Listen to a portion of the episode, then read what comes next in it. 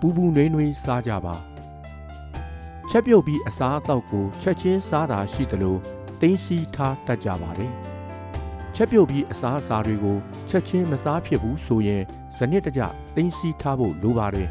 အခန်းအပူချိန်မှာနိုင်ပိုင်းတက်ပူပြီးကြာရှိမသိမ်းထားသင့်ပါဘူးခက်ကြကြသိမ်းထားမယ်ဆိုရင်ရေခဲတစ်တာထဲမှာသိမ်းထားဖို့သင့်ပါတယ်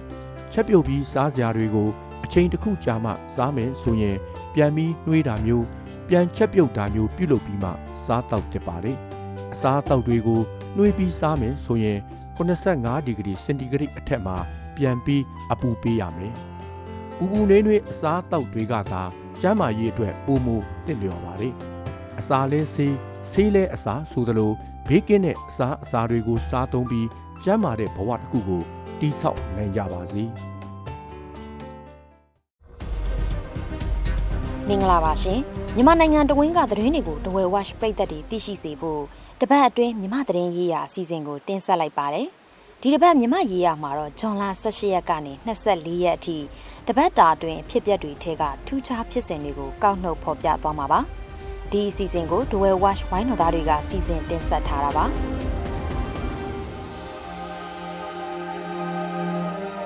စစ်ကောင်စီထိန်းချုပ်မှုအောက်မှာရှိတဲ့နိုင်ငံပိုင်အကြီးဆုံးဗန်ကြီးနှစ်ဗန်နဲ့ကာကွယ်ရေးဝန်ကြီးဌာနကိုအမေရိကန်ပြည်ထောင်စုကဇွန်လ22ရက်မှာပိတ်ဆို့အရေးယူလိုက်ပါတယ်။ပြည်သူတွေအပေါ်ရက်ဆက်ကြမ်းကြုတ်တဲ့လုပ်ရက်တွေကြောင့်အခုလိုအရေးယူတာလို့ဆိုပါတယ်။နိုင်ငံခြားကနေစစ်လက်နက်ပစ္စည်းတွေဝယ်ယူရမှာနိုင်ငံခြားငွေကြေးတုံးဆွဲမှုအဆင့်ပြေချောမွေ့စေရေးအတွက်အခရာကျတဲ့မြန်မာနိုင်ငံခြားကုန်သွယ်မှုဘဏ် MFTB နဲ့ မြမရင်းနှီးမြှုပ်နှံမှုနဲ့ကုသရောင်းဝယ်ရေးဘဏ် MICB တို့ကိုအရေးယူထားတာပါဒီဘဏ်တွေဟာနိုင်ငံခြားဘဏ်စည်းတွေကိုအသုံးပြုပြီးအခွန်ဘဏ္ဍာငွေရှာဖွေပေးတဲ့နိုင်ငံတော်ပိုင်စီးပွားရေးလုပ်ငန်းတွေကိုနိုင်ငံတကာဈေးကွက်နဲ့အလွယ်တကူချိတ်ဆက်စေနိုင်ခဲ့တယ်လို့စီးရေးကိစ္စရက်တွေအတွက်ငွေကြေးအရင်းအမြစ်မြောင်များကိုပံ့ပိုးပေးခဲ့တယ်လို့ဖော်ပြပါတယ်။ကာကွယ်ရေးဝန်ကြီးဌာနဟာစစ်အာဏာသိမ်းပြီးနောက်ပိုင်းစစ်လက်နက်ပစ္စည်းပြည်ပကနေအမေရိကန်ဒေါ်လာ1ဘီလီယံဖိုးထက်မနည်းဝယ်ယူတင်သွင်းခဲ့ပြီး အဲ့ဒီအထဲမှာရုရှားကနေဝယ်တာတွေလည်းပါတယ်လို့ဆိုပါတယ်။အာနာသိမ်းပြီးနောက်မှာစစ်ကောင်စီတပ်ကတပ်ဖြတ်တာကြောင့်ပြည်သူ3600ထက်မနည်းတိတ်ဆုံးခဲ့ရပြီးပြည်သူ1.5တန်းကျော်ဟာလည်းနေရက်စွန့်ခွာထွက်ပြေးကြရတယ်လို့ဖော်ပြပါတယ်။စစ်ကောင်စီတပ်ဟာရွာတွေစာတင်ကျောင်းတွေစေယုံစေခန်းတွေကိုပြစ်မှတ်ထားတိုက်ခိုက်ခဲ့တယ်လို့လည်းဆိုပါတယ်။ဒီတိုက်ခိုက်မှုတွေဟာကာကွယ်ရေးဝန်ကြီးဌာနမှအဓိကတာဝန်ရှိလို့အရေးယူတာလည်းဖြစ်ပါတယ်။စစ်ကောင်စီအတွက်နိုင်ငံခြားငွေရှာဖွေပေးရမှာအဓိကကြတဲ့ မြမရေနံနဲ့တဘာဝဓာတ်ငွေလုပ်ငန်း MOGE ကိုလည်းအရေးယူဖို့တောင်းဆိုမှုတွေရှိနေပါတယ်။နိုင်ငံခြားငွေကြေးစီးဆင်းရမှာအဓိကအရေးကြီးဆုံးဖြစ်တဲ့ဗန်နှစ်ဗန်အရေးယူခံလိုက်ရတဲ့အတွက်စစ်ကောင်စီအတွက်ထိခိုက်မှုကြီးနိုင်တယ်လို့ထောက်ပြကြပါတယ်။နိုင်ငံတကာနဲ့ကုန်သွယ်ရမှာလည်းအခက်တွေ့နိုင်လို့သွယ်ဝိုက်တဲ့နီးနဲ့ပြည်သူတွေကိုလည်းထိခိုက်နိုင်တယ်လို့သုံးသပ်မှုတွေရှိနေပါတယ်။စစ်ကောင်စီထိန်းချုပ်ထားတဲ့နိုင်ငံပိုင်ဗန်ကြီးနှစ်ဗန်ကိုအမေရိကန်ကအရေးယူလိုက်ပြီးတဲ့နောက်မှာ အမေရိကန်ဒေါ်လာလဲလှယ်နှုန်းဟာကျပ်3000ကျော်ဖြစ်သွားပါတယ်။ပြင်ပပေါက်စီဒေါ်လာကို2900ကျပ်ဝန်းကျင်ရှိရာကနေဂျွန်လ23ရက်မှာတော့3200ကျပ်အထိဈေးပေါက်နေပါတယ်။ဘဏ်တွေအရွေးယူခံရချိန်မှာပဲစစ်ကောင်စီဗဟိုဘဏ်ကဒေါ်လာဈေးကိုထိန်းချုပ်ဖို့ကြိုးပမ်းလာပါတယ်။ဘဏ်တွေအချင်းချင်းကြားဘဏ်တွေနဲ့ customer တွေအကြားရောင်းဝယ်နိုင်မဲ့ online trading အစီအစဉ်ကိုဂျွန်လ22ရက်ကစတင်ခဲ့တာပါ။ဗဟိုဘဏ်ကိုယ်တိုင်လည်းဝင်ရောက်ရောင်းဝယ်လုပ်နေပါတယ်။ online trading အစီအစဉ်စတင်ပြီး2ရက်အတွင်းအမေရိကန်ဒေါ်လာ73တန်းကျော်အရောင်းဝယ်ဖြစ်ခဲ့တယ်လို့ဆိုပါတယ်။ဒါပေမဲ့အများပြည်သူလဲလှယ်နိုင်မဲ့ဗဟိုဘဏ်ရဲ့ဒေါ်လာရည်ညွှန်းစည်းကတော့2100ကျပ်ပဲဆက်လက်သတ်မှတ်ထားဆဲဖြစ်ပြီးပြင်ပပေါက်စည်းနဲ့1100ကျပ်ကွာဟနေပါတယ်။အရင်ကလုပ်ငန်းရှင်တွေကိုပို့ကုန်ရငွေရဲ့65ရာခိုင်နှုန်းကိုဗဟိုဘဏ်ရည်ညွှန်းစည်းအတိုင်းလဲရပြီး35ရာခိုင်နှုန်းကိုပြင်ပပေါက်စည်းအတိုင်းလဲခွင့်ပြုထားတာပါ။ အခုက35ရာခိုင်နှုန်းလဲပြင်ပပေါက်စီအတိုင်းလဲမရတော့ပဲ online trading ပေါက်စီအတိုင်းလဲလဲကြရလို့နစ်နာမှုတွေရှိနေတယ်လို့ဆိုပါတယ်။ဒါကြောင့်ဒေါ်လာအယောင်းဝယ်မှောက်ခုပုံစံဖြစ်လာနိုင်တယ်လို့ဒေါ်လာဈေးတက်တာကြောင့်ကုန်ပစ္စည်းဈေးတက်တဲ့ဒဏ်ကိုလည်းပြည်သူတွေခံရလာနိုင်တယ်လို့ထောက်ပြမှုတွေရှိနေပါတယ်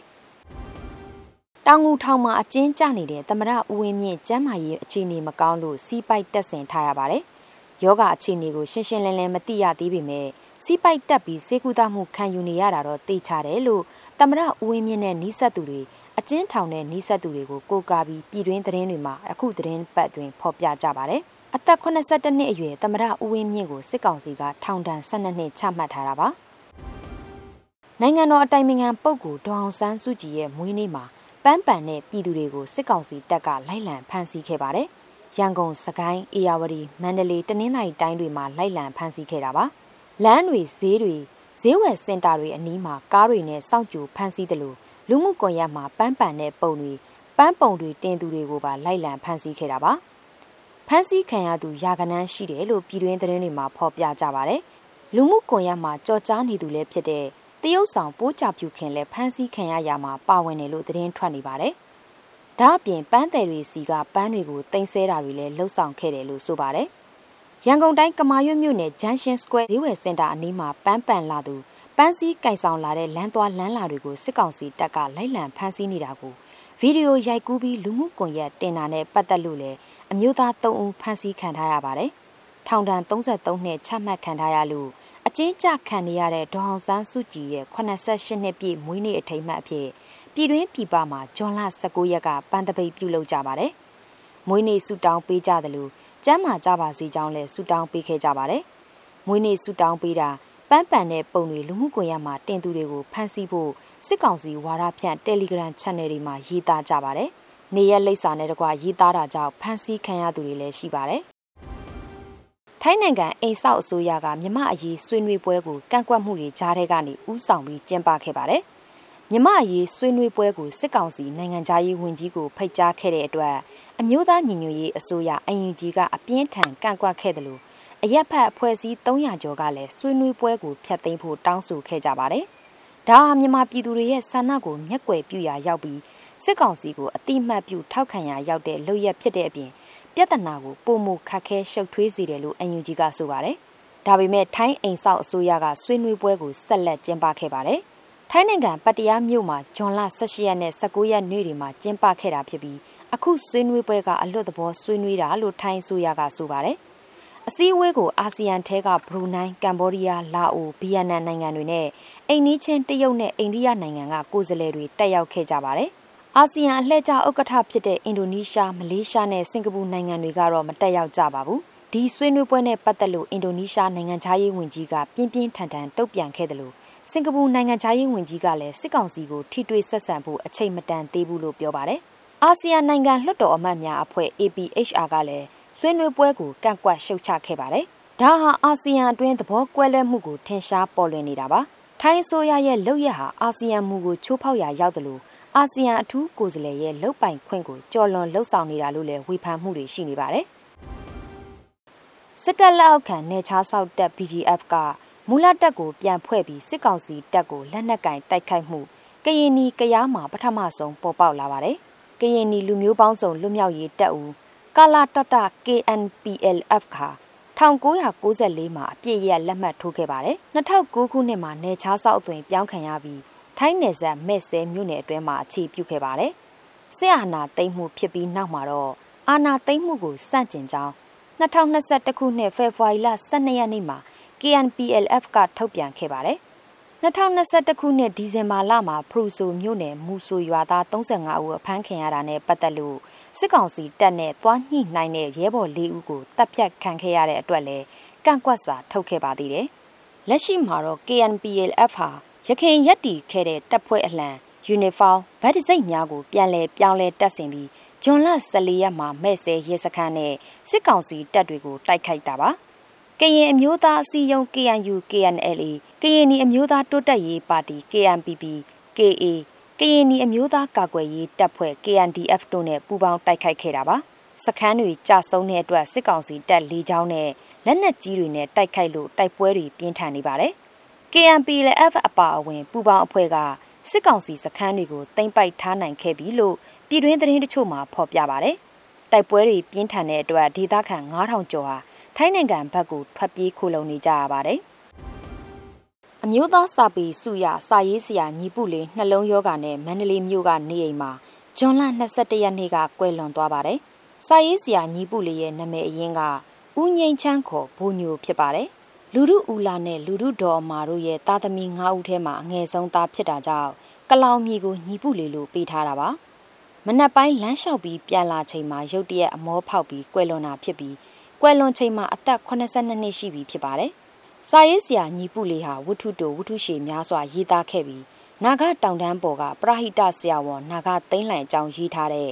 ထက်မြက်တဲ့ဓားသွားပေါ်ကချိုမြက်မြပြားရည်ဆက်ဝတ္ထုရှိနဲ့2016ခုနှစ်မှာအမျိုးသားစာပေစုရရှိခဲ့ပါတယ်။ဆရာညီပုလေးရဲ့နာရေးအခမ်းအနားကိုဇွန်လ22ရက်မှာအေးရိပ်ငိမ်တုတ်တံမှာပြုလုပ်ခဲ့ပါတယ်။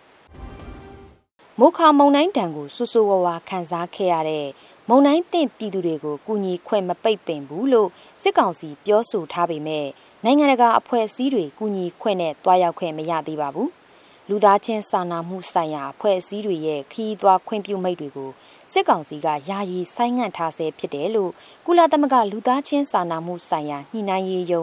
UNOCHA ကဇွန်လ22ရက်မှာထုတ်ပြန်ပါတယ်။လူမှုကယ်ဆယ်ရေးအကူအညီတွေဖြန့်ဝေခွင့်နဲ့ဝင်ရောက်ကူညီခွင့်ကန့်သတ်ခံထားရတာကြောင့် မိုခါမုံတိုင်းတုတ်ပြန်ကူညီရေးလုပ်ငန်းတွေကိုထိခိုက်နေတယ်လို့ဆိုပါတယ်။မုံတိုင်းတန်တဲ့ဒေသခံလူထုရဲ့ဆိုးရွားနှစ်ပြီးသားစာဝတ်နေထိုင်ရေးအခြေအနေတွေကိုပုံမူဆိုးရွားစေတယ်လို့လည်းဆိုပါတယ်။နိုင်ငံတကာအဖွဲ့အစည်းတွေနဲ့ဒေသတွင်းကအရက်ဖက်လူမှုရေးအဖွဲ့အစည်းတွေမုံတိုင်းတန်တဲ့ပြည်သူတွေစီတွားရောက်ကူညီခွင့်ကိုစစ်ကောင်စီကဇွန်လ9ရက်နေ့ကစတင်ပိတ်ပင်ခဲ့ပါတယ်။ အဲဒီနောက်ဝေဖန်မှုတွေကြောင့်အာဏာပိုင်တွေကိုအတိပေးပြီးတွားလို့ရတယ်လို့စစ်ကောင်စီဘက်ကလေတံပြောင်းသွားပြီမဲ့အခုအချိန်ထိတွားရောက်ကူညီခွင့်မရသေးတာပါ။ရခိုင်မှာမုံတိုင်းတင့်ပြည်သူ30ရာခိုင်နှုန်းပဲအကူအညီရသေးပြီးကျန်တဲ့80ရာခိုင်နှုန်းကအကူအညီလိုအပ်နေဆဲဖြစ်တယ်လို့ရခိုင်တပ်တော် AA ကထုတ်ပြန်ထားပါတယ်။ယခုဂျွန်လအတွင်းမှာစကိုင်းတိုင်းကန့်ဘလူမြို့နယ်ကစစ်ဘေးရှောင်ဒေသခံ12ဦးဟာအစိတ်ပြင်းမွေတွေကြိုက်တာခံရပါတယ်။ ဂျွန်လ1ရက်နေ့ကနေ20ရက်နေ့အထိစစ်ဘေးရှောင်အမျိုးသား6ဦးနဲ့အမျိုးသမီး9ဦးဟာမွေပွေးနဲ့မွေဟောက်ကြိုက်တာခံရတယ်လို့ကျွန်းလာတက်ကြွလှုပ်ရှားသူများအဖွဲ့အစည်းကနေသိရပါတယ်။မွေကြိုက်ခံရသူညှင့်တက်လာတဲ့အတွက်မွေစိတ်ဖြည့်ဆည်းတွေလည်းအရေးပေါ်လိုအပ်နေတယ်လို့ဆိုပါတယ်။2023ခုနှစ်မေလအထိဆိုရင်မွေကြိုက်ခံရတဲ့စစ်ဘေးရှောင်60ကျော်ရှိပြီးအဲ့ဒီအထက်ကကလေး2ဦးပါဝင်6ဦးသေဆုံးခဲ့ပါတယ်။ ပရိသတ်ပေါင်းတို့ကိုရောစိတ်ပါကြမ်းမှချမ်းသာကြပါစေ။ကပေးမျိုးမျိုးကနေအမြန်ဆုံးလွတ်မြောက်ပါစေကြောင်းဒဝဲဝက်ဝိုင်းတော်သားများကစုမုံကောင်းတောင်းရပါတယ်။နောက်တစ်ပတ်မှာလည်းမြမသတင်းရေးရာအစီအစဉ်ကိုဆက်လက်စောင့်မျှော်ကြည့်ရှုနားဆင်ပေးကြပါအောင်ရှင်။